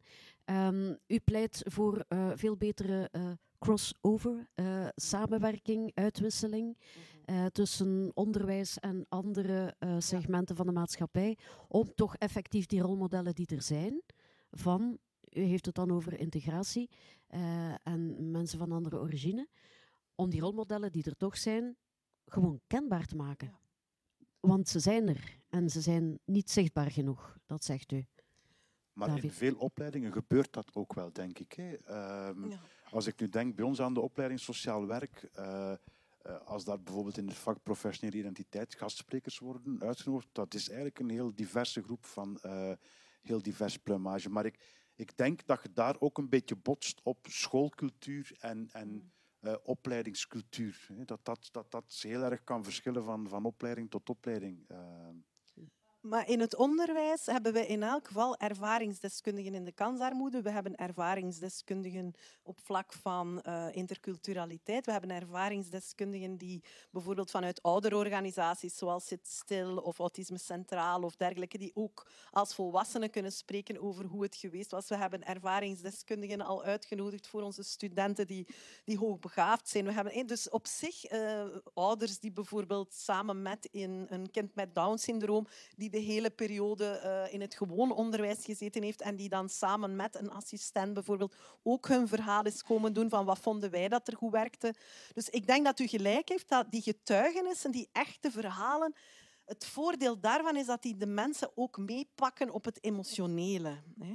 En diversiteit eh, is ook iets wat ons vaak pas, allee, waar dat we pas echt voor gemotiveerd zijn om er iets voor te doen wanneer het ons raakt. Wanneer we ons durven laten raken door het verhaal van een kind. Hè. Eh, dus je merkt dat toch wel in scholen, wanneer ze voor een bepaald kind voelen van, ja, daar, allee, daar voelen we dat daar potentieel in zit. Ik heb lang, eh, een aantal jaren nu op potential gewerkt. Hè. Wanneer een team voelt, dit is een kind waar potentieel in zit en wij willen het ervoor opnemen, ja, dan zie je dat er heel veel ehm, gedaan wordt. Hè. Eh, ik hoorde laatst ook een getuigenis van, van een school die voor, voor kinderen in- die nu in Afghanistan waren gebleven in de zomer en die daar enorm veel voor gedaan hadden om die kinderen toch nog mee te krijgen naar hier samen met het schoolteam. Dus van het moment dat er ergens een connectie, een, een verhaal is van een kind dat u pakt en dat u grijpt, dan zijn mensen tot veel meer bereid. Dus ik denk dat inderdaad die, die goede verhalen, die pakkende verhalen, gedeeld krijgen. En dan denk ik aan websites. We hebben ook zelf bijvoorbeeld een documentaire die op Canvas uitgezonden is, inclusief gemaakt, waar zo van heel dichtbij een aantal kinderen uh, gevolgd uh, zijn geweest. Dit soort zaken zijn zeker uh, iets waar dat je als vertrekpunt ook kunt gaan benutten, zowel in opleiding als in nascholing. Nu, uw tweede punt gaat over het, het transdisciplinaire, interdisciplinaire, vroeger was het multidisciplinaire. Op dit moment in onze Europese projecten, ik, ben, ik coördineer nu een Erasmus Plus project, spreken ze over interprofessional collaboration, dus interprofessioneel samenwerken. Um, waar dan eigenlijk ook wel um, niet alleen de professionals gaan met elkaar uitwisselen, maar waar ook heel hard uh, bekeken wordt hoe de ervaring van ouders en kinderen zelf ook mee rond de tafel kan komen. En ik denk dat dat klopt dat we um, soms nog te veel in hokjes hebben gedacht. Hoe pakken wij dat bijvoorbeeld aan? Uh, in heel wat nascholingen die wij geven, vragen wij als een voorwaarde om te willen komen dat ze bijvoorbeeld ook uh, een brugfiguur, een CLB-medewerker, een pedagogisch begeleider, een ondersteuner, een therapeut, een psycholoog met wie er uh, al een contact is, om die mee uit te nodigen op bijvoorbeeld momenten van professionalisering. En we merken dat scholen dat niet altijd gewoon waren. Hè. Maar dat geeft wel eens de kans, als bijvoorbeeld iemand van het CLB niet daar komt omdat hij een advies moet uitspreken over een kind, maar die komt mee tijdens een leermoment nadenken over hoe pak je dat eigenlijk aan in de klas, uh, dan geeft dat dikwijls een heel andere dynamiek ook. En praten zij op dat moment is op een heel andere manier met de verpleegkundigen of de sociaal werker of de therapeut van het CLB. En hetzelfde met brugfiguren of met ervaringsdeskundigen of met mensen van de integratiecentra, uh, die zeker ook altijd, uh, denk ik, in dit soort momenten best mee aanwezig zouden kunnen zijn. Um, ja, wanneer die zich voordoen. En dat zijn niet zoveel momenten op een jaar, denk ik, dat een heel team daarmee bezig is. Maar alleen al het feit dat je mensen van andere disciplines ook mee uitnodigt op die momenten. En zelf eventueel ook eens hoort van, kunnen wij bij jullie eens niet iets komen volgen? Ik hoor schooldirecteurs die nu eens een vorming gaan meevolgen bij het ondersteuningsnetwerk bijvoorbeeld, waar dat er ook uh, heel wat paramedici uh, werken. Hè. Dus waardoor dat ze plots ook die inzichten van logopedisten, kinesisten, ergotherapeuten veel, uh, ja, veel meer uh, op een andere manier vertaald zien. Dus ik denk dat dat allez, iets is waar we veel vaker over het muurtje zouden kunnen kijken. Ik ga het even kort samenvatten. Um, de vraag is uh, hoe het komt dat uh, nu nog altijd, na al die jaren uh, dat uh, de migratie begonnen is, 50, 60 jaar geleden, uh, dat dat nu nog altijd zo is dat de, de kinderen, de kleinkinderen daarvan, nog altijd in dat watervalsysteem zitten en heel snel of makkelijk naar het buitengewoon circuit geleid worden. Mm -hmm. Het lijkt alsof ze, allee, ze, ja, ik weet niet wie, van een probleem af willen dan. Ja, of, of is het echt nodig? Zolang we systemen hebben waar we kunnen naartoe verwijzen, zullen we verwijzen. Dat is al één element. Hè. Dus wanneer dat, uh, leraars voelen dat ze via het CLB hè, um, ja, voor bepaalde kinderen, als je echt zegt van we willen die de deur wijzen, ja, zolang dat, dat mogelijk is, zal dit blijven gebeuren. Alleen is de vraag, gebeurt dit op een terechte manier of niet? Er zijn kinderen met een migratieachtergrond die op een zeer terechte manier in buitengewoon onderwijs komen, maar het klopt inderdaad niet dat dat percentage hoger mag liggen. En dat ligt massaal hoger nog steeds. Dus structureel zijn we er niet in geslaagd om hoge verwachtingen te stellen van die kinderen. En net omdat taalproblematiek uh, nog altijd wel impact heeft op hoe dat, ja, um, hoe dat leerresultaten ook... Uh, allez, heel wat van de toetsen bijvoorbeeld doen altijd een beroep op geschreven taal. Hè. En net die meertalige achtergrond maakt dat bijvoorbeeld vooral dan de geschreven taal ook niet altijd, volgens die leraars die misschien dan wat meer middenklasse zijn, en nu kijk ik naar David, die niet altijd aan hun norm voldoet. Hè. Terwijl dat misschien wel kinderen zijn die ook heel wat talenten en heel wat capaciteiten hebben, maar die misschien nog niet tot uiting komen in die geschreven toets. Hè. Dus zeker is het uh, belangrijk om uh, te blijven zoeken hoe we op verschillende manieren kinderen ook kunnen toetsen. Ik denk dat het beoordelen van allez, de manier waarop we examineren, als het ware in het secundair, of waarop we toetsen geven, uh, ja, dat bepaalt dikwijls toch nog of een kind kan overgaan of niet en of een kind ook verwezen wordt of niet. Um, maar het klopt dat, het, dat onze opvattingen over wat, wat dat er van kinderen verwacht wordt, dat, dat we daar nog niet in geslaagd zijn om, uh, ja, om mensen daar altijd positief naar de kansen van diversiteit te laten kijken. Nee, er worden vooral naar de problemen van diversiteit nog steeds gekeken. Ja, je zou toch denken, na al die tijd... Sorry, ja, zeg maar. Ja. Ik ga die heel lange, interessante opmerking proberen uh, uh, kort samen uh, te vatten. Um, dus u zegt uh, kinderen, jongeren met een migratieachtergrond, om het zomaar dan toch te noemen, met andere origine, dat die uh, bekeken worden als iemand met een probleem, terwijl dat een, een vijfjarige soms meerdere talen, meer talen spreekt dan zijn leerkracht of haar leerkracht. Um, terwijl dat die als een probleem gezien wordt, dat die uiteindelijk wel cultuurrijker is dan die leerkracht, maar dat die mensen, die jongeren, die kinderen altijd bekeken worden als problematisch. En dat ook meedragen, ook al hebben ze een succesvolle onderwijscarrière uh, of schoolcarrière gehad, dat ze dat meedragen op de werkvloer, als ze er al geraken, want het duurt ook veel langer uh, om er te geraken. En ja, dat is gewoon, de hele samenleving moet veranderen. dat is niet alleen het onderwijs. Hè. Er wordt altijd natuurlijk eerst naar onderwijs gekeken en ook terecht, denk ik. Het is in onderwijs dat we wel kansen hebben om de toekomstige ondernemers, de toekomstige werkgevers, de toekomstige vakbondsafgevaardigden enzovoort bij ons te hebben. Dus als je inderdaad op dit moment zei daarnet van je vindt uh, die mensen niet altijd terug bij de werkgevers of bij de ondernemers of bij de vakbondsafgevaardigden of waar het ook is in onze samenleving, uh, ja, dat, dus in het onderwijs zitten kinderen wel nog in een diverse context. Zitten ze nog wel samen met kinderen met verschillende achtergronden. Maar wanneer je voelt als leerling dat er steeds naar jou gekeken wordt als zijnde je bent een probleem, ja, dan ga je je op den duur ook gedragen als een probleem. Dat was eh, het Pygmalion-effect of een self-fulfilling prophecy. Dus het is een soort voorspelling uh, alsof jij later het niet gaat worden, die zichzelf eigenlijk waarmaakt. Hè. Dus dat weten we uit onderzoeken, dat dat een heel uh, langdurig en taai effect is dat blijft spelen. Hè.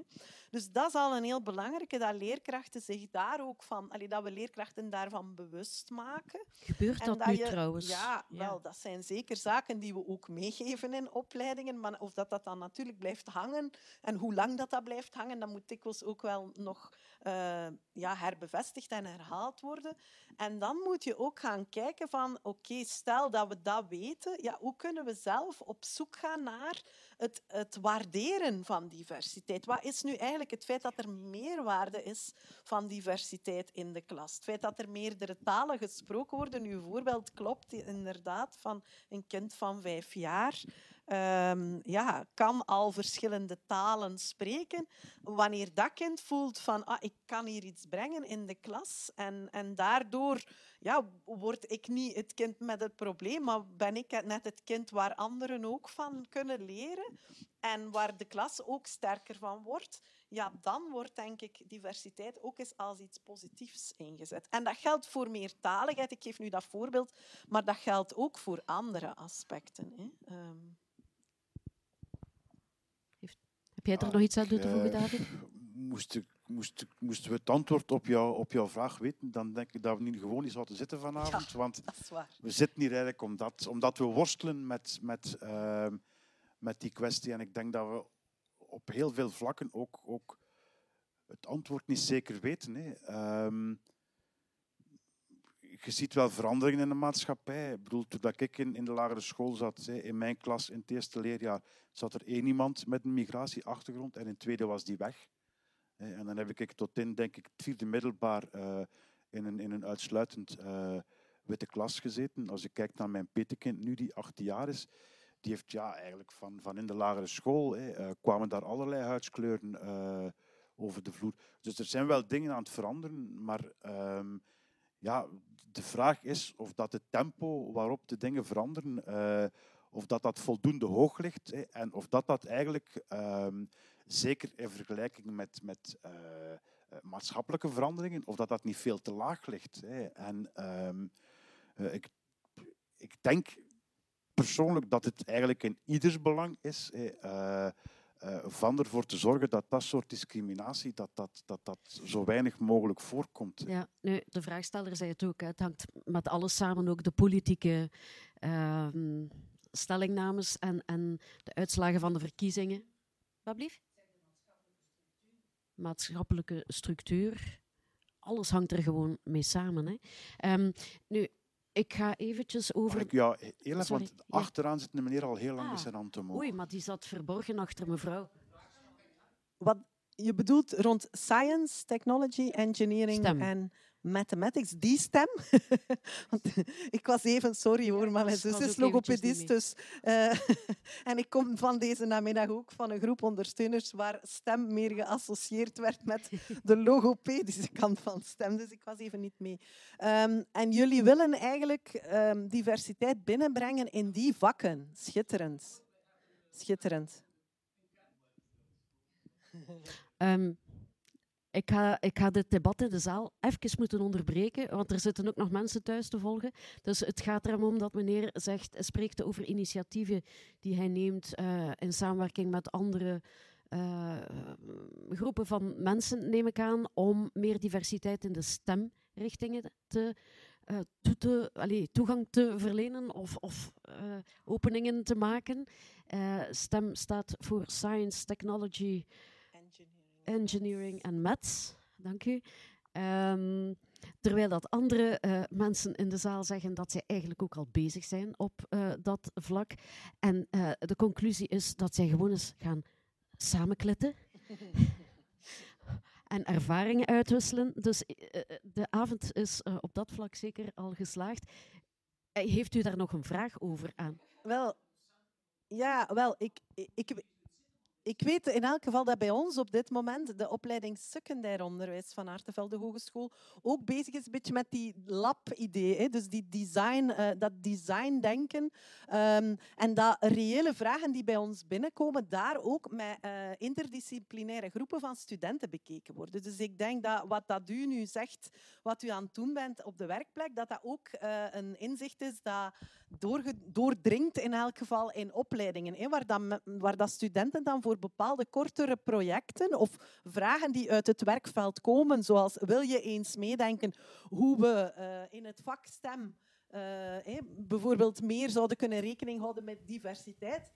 Dat is zeker een vraag uh, die, als die bij ons binnenkomt, kan voorgelegd worden aan de collega's die bijvoorbeeld in de opleiding secundair onderwijs zo studenten betrekken vanuit verschillende richtingen die dan bij ons aan de hogeschool uh, actief zijn. En ik denk dat dat um, dat dat inderdaad wel de toekomst is. Dat we ook merken dat in het werkveld diversiteit iets is waar geen pasklare oplossingen vanuit één discipline voor te vinden zijn. Het is net ook voor mij interessant dat wij hier vanuit heel verschillende achtergronden zitten vandaag. Uh, om het over diversiteit te hebben. Hè. Diversiteit is eigenlijk gewoon een, iets maatschappelijks. Het is er. Of we daar nu voor of tegen zijn, of we dat nu een probleem of een kans vinden, het is er gewoon. Hè. Ja. En ik denk dat inderdaad het, uh, het uitdenken van uh, concrete oplossingen die je via wetenschap bijvoorbeeld, om bepaalde kinderen die nu niet kunnen participeren in het onderwijs, om daar bijvoorbeeld oplossingen voor te laten designen door uh, leraars of door studenten, dat dat, dat, zeker iets is wat uh, tot de verbeelding zou kunnen spreken. Als jij daar niets meer aan toe te voegen hebt, David, ga ik over naar een uh, vraag van iemand die uh, thuis aan het volgen is. Ik ga daar gewoon van uit, maar dat is misschien helemaal niet zo. Zit misschien gewoon op café of zo. Um, Hoe wordt diversiteit vanuit het onderwijs bij inschrijvingen op scholen bepaald? Zelfs in Gent heeft de vraagsteller het gevoel dat veel scholen nog blank zijn en andere scholen heel divers zijn. Hoe komt het dat er nog altijd zoveel verschillen zijn tussen scholen in steden en misschien ook daarbuiten? Ja, veel hangt af van de ligging natuurlijk, Ja. eh, want de De inschrijvingen... wetgeving Voilà. heeft daar natuurlijk wel iets over gezegd. Hè. Dus er zijn inschrijving, bij inschrijving een aantal indicatoren. Hè. Dus eh, er wordt wel wat gedaan aan het inschrijvingsbeleid rond gelijke onderwijskansen. En het zou in principe niet mogen dat in het formele inschrijvingsbeleid dat er daar al barrières opgeworpen worden. Maar natuurlijk zit eh, uitsluiting vaak in veel subtielere mechanismen. Hè. Wanneer je met je kind toekomt op een infodag in een bepaalde school, kan het zijn dat je in een bepaalde school al voelt hier ehm, ja, mag iedereen zichzelf zijn.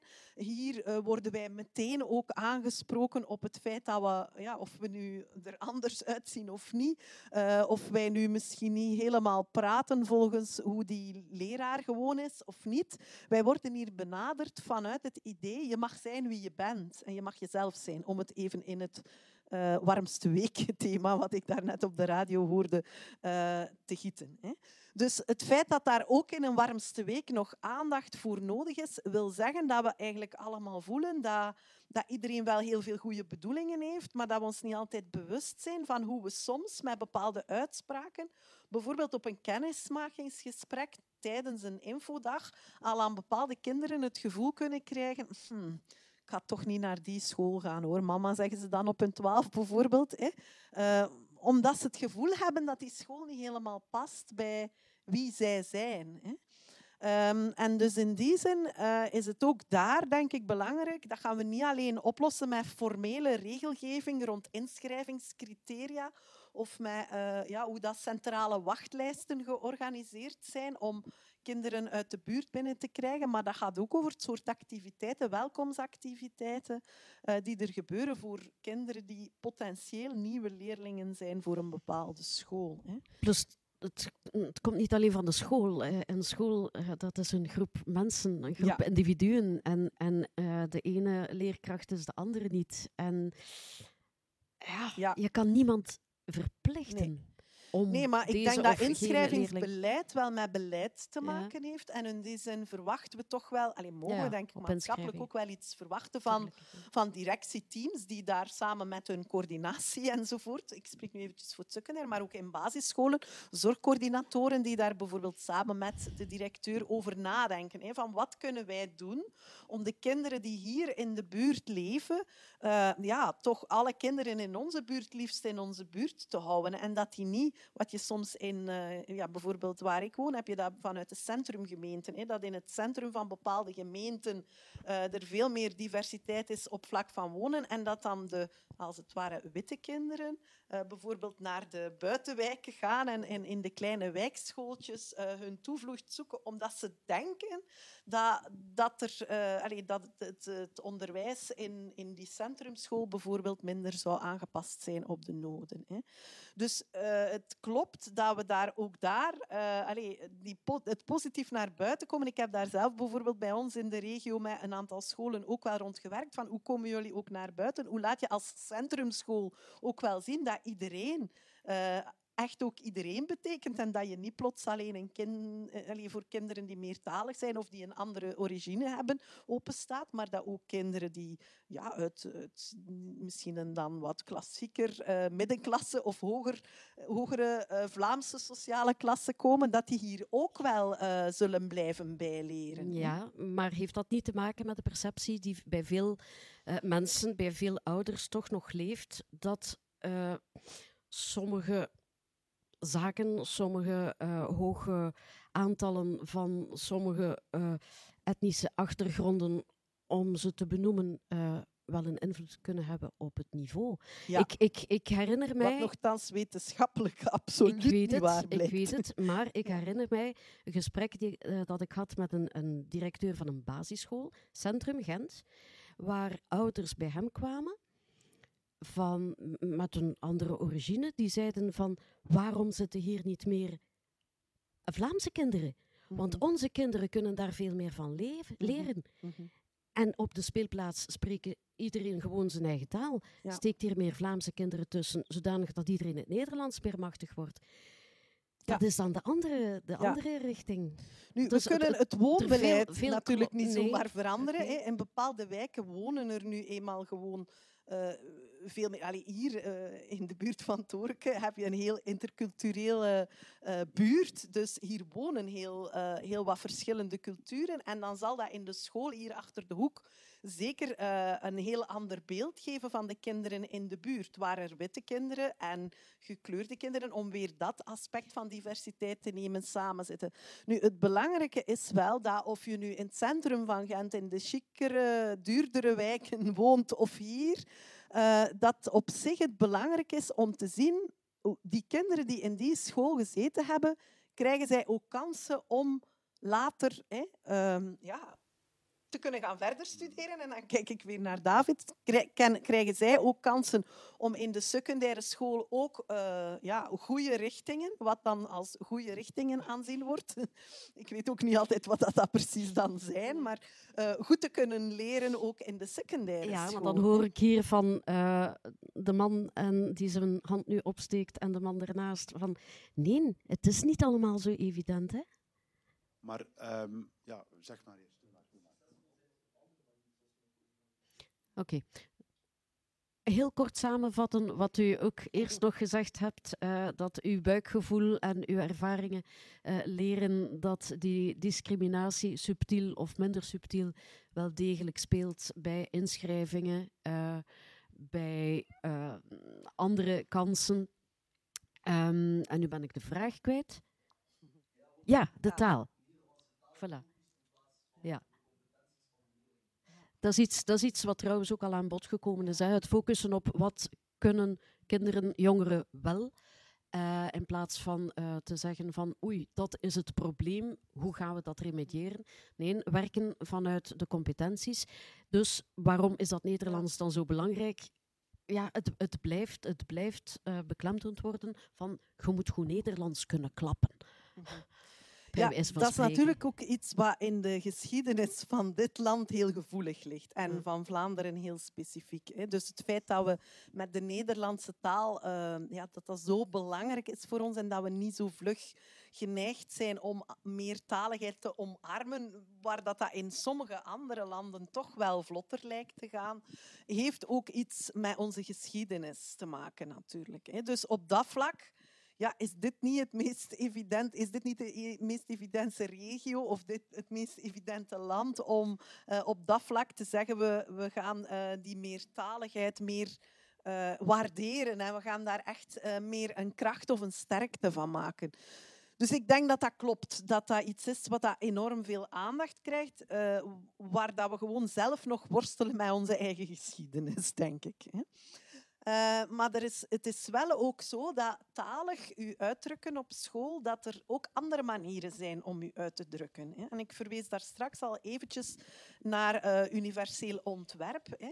Ehm, wat dat ook binnen recentere, eh, nieuwere manieren om te gaan differentiëren in scholen ook meegenomen wordt als idee, is dat kinderen en jongeren zich ook niet alleen op een talige manier moeten uitdrukken. En dat geldt trouwens niet alleen voor anderstaligen of voor anders culturele achtergronden, maar eh, ik denk dat er ook heel wat typisch Vlaamse kinderen zijn die niet geraken waar dat we misschien gehoopt hadden dat ze geraken, die misschien inderdaad, u verwees naar kinderen van ouders met psychische problemen, hè, eh, die misschien eh, ja, omwille van hun thuissituatie zich thuis ook niet verbaal in woorden heel sterk hebben leren uitdrukken of waar het geschreven woord ook niet is wat ze meegekregen hebben, maar die wel heel veel uit te drukken hebben van wat zij eigenlijk voelen, wat zij denken en wat ze leren. En dus ook het gaan werken met, eh, met eh, bijvoorbeeld creatievere eh, werkvormen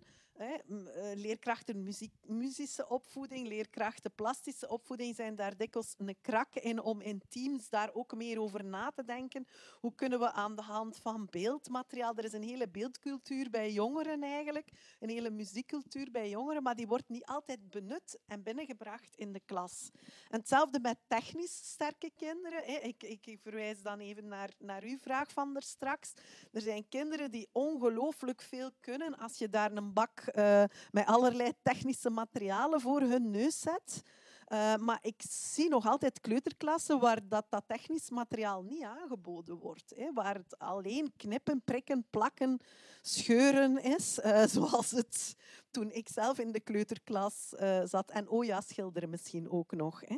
Ehm, dus het is belangrijk, aangezien dat onze maatschappij geëvolueerd is, dat we eh, zeker ook die andere manieren om u uit te drukken, door iets technisch te construeren, door, door iets te bouwen in de klas, eh, door iets eh, met beeldmateriaal uit te drukken of iets muzisch, drama ook. Ik denk dan aan leerlingen die soms in de kunstrichtingen terechtkomen, terwijl ze eigenlijk ook al een hele waterval hebben meegemaakt en daar eindelijk dan zichzelf kunnen zijn en zichzelf kunnen uitdrukken.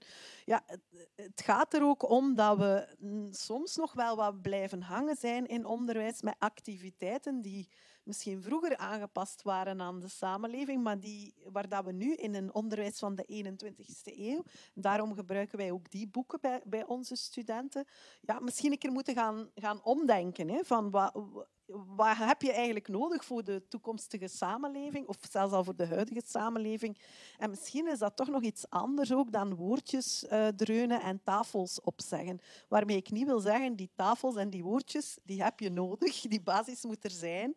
Maar als dat het enige is wat van uw schooltijd bijblijft, hè, dan, ja, dan zijn we denk ik nog met ons wiskundeonderwijs, nog met ons talenonderwijs geraakt waar we eigenlijk willen geraken.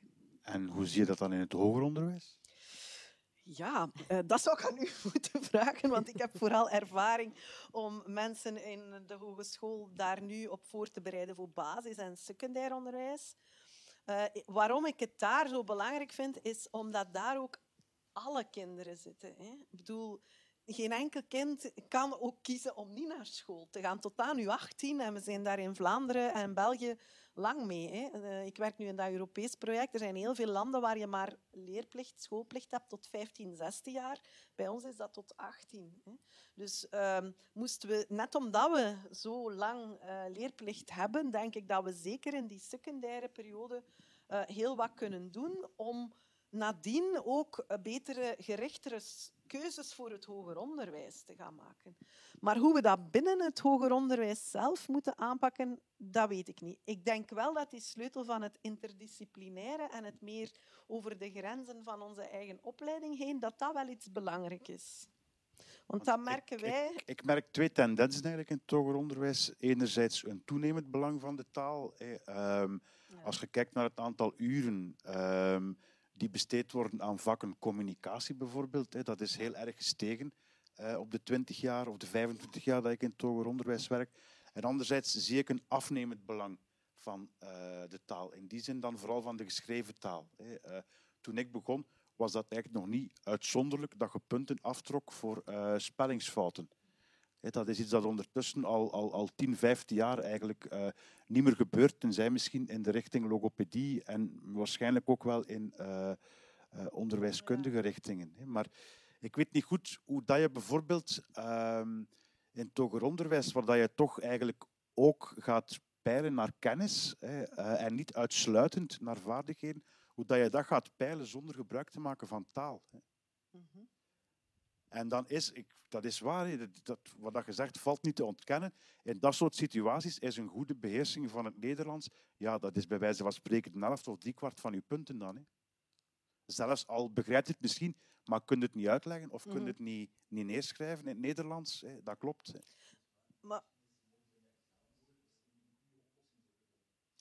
Voor sommige vakken doe ik mondelinge examens, meneer, en dan, dan examineer ik 15 studenten op één dag.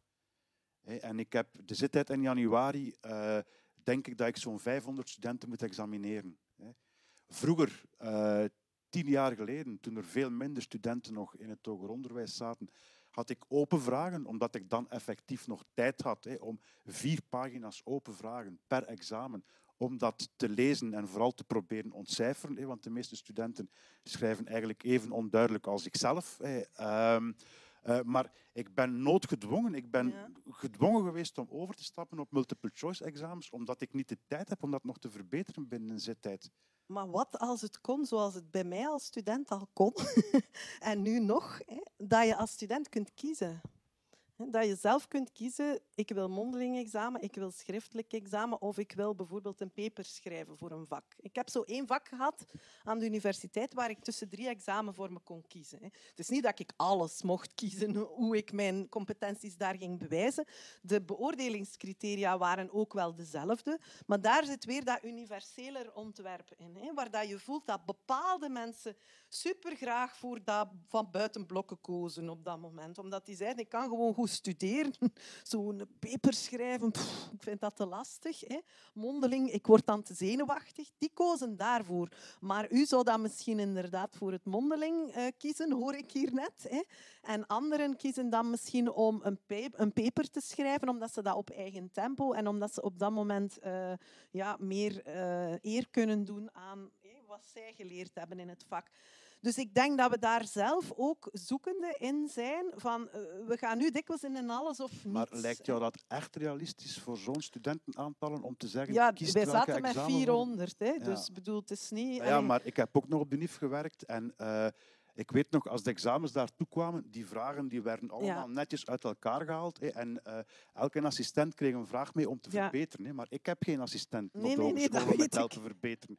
Ik moet het nee, allemaal nee, zelf maar doen. Voor mij, is, bij, voor mij is het wel hetzelfde als ik, als ik weet dat de tijd die het kost om het te beoordelen, als ik een geschreven examen binnenkrijg, als ik een ingesproken filmpje uh, binnenkrijg waar iemand mondeling op diezelfde vragen antwoordt, en als ik weet dat sommigen niet het, de geschreven vragen en ook niet uh, het filmpje kiezen, maar nog een derde vorm waar dat zij aan de hand van iets was op hun praktijk gedaan hebben, maar dat moet dan wel dezelfde tijdsduur krijgen. Hè. En ik denk dat daar het weer te maken heeft met hoe organiseren we dit. We zitten dikwijls vast in hoe krijgen we dit georganiseerd binnen uh, ja, de beperkte tijd die, die we maar hebben om ons job te doen. Maar dat neemt niet weg, meneer, dat ik in de fond wel akkoord ben met wat je zegt, hè, maar ik bots, ik bots gewoon ja. op de realiteit dat dat voor mij praktisch, en voor heel veel collega's ook, dat dat eigenlijk gewoon praktisch onhaalbaar is. Hè. Maar ik onderken ja. wel wat dat je zegt, natuurlijk. Ik denk dat het eigenlijk een mooie afsluiter is. Want ik zou een beetje willen gaan afsluiten. Uh, dus wat was de mooie afsluiter? Dat we... Um, um, oh, herhaal nog eens, want ik, ik zag u... Ja, de, het innovatieve in meer inschakelen in het, uh, het diverser en het inclusiever maken van onderwijs, dat daar wel eens. Eigenlijk bijna een pleidooi voor onderwijs op maat van, van ja. de, de, student die je voor u hebt, hè, als ik u goed begrepen heb. Hè. Ja. Maar ze niet in een maatpak. Uh, en niet in een wringen. maatpak. voilà, dat was het. Dat was ik even vergeten, sorry. En ik zag uh, Iris hier ook uh, klikken, uh, knikken als het over, toen het over innovatie ging, want jij bent daar ook mee bezig. Maar vanavond ben je bezig geweest met het hopelijk heel mooi visueel neerleggen van deze avond. die gaan we ook zien op uh, de website, op de Facebookpagina. Um, de, het visuele verslag van onze huistekenares Iris, waarvoor dank. Ook op sociale media. Dus um, ik wil ook jullie bedanken voor de heel uitvoerige uitleg over heel interessante insteken, aspecten. Um, en nieuwigheden. Um, jullie hebben allemaal een evaluatieformulier op papier gekregen, als ik me niet vergis. Ook online uh, valt er uh, een en ander wel in te vullen over wat jullie uh, vonden van deze avond, van het onderwerp, van hoe het aangepakt werd, hoe interessant het was of niet.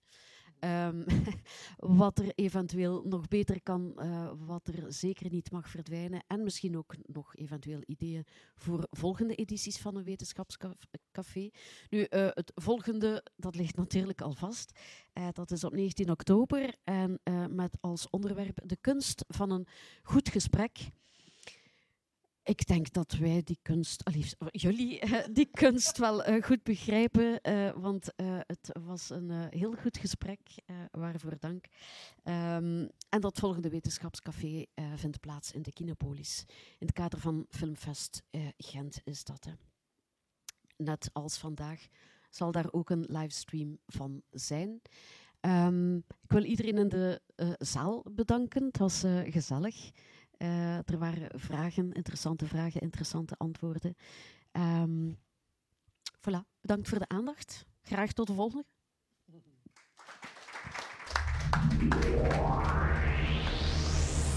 Very long time ago, the universe simply burst into existence. An event called Het Wetenschapscafé. Wetenschap tussen pot en pint. Voor iedereen met een gezonde dorst naar kennis.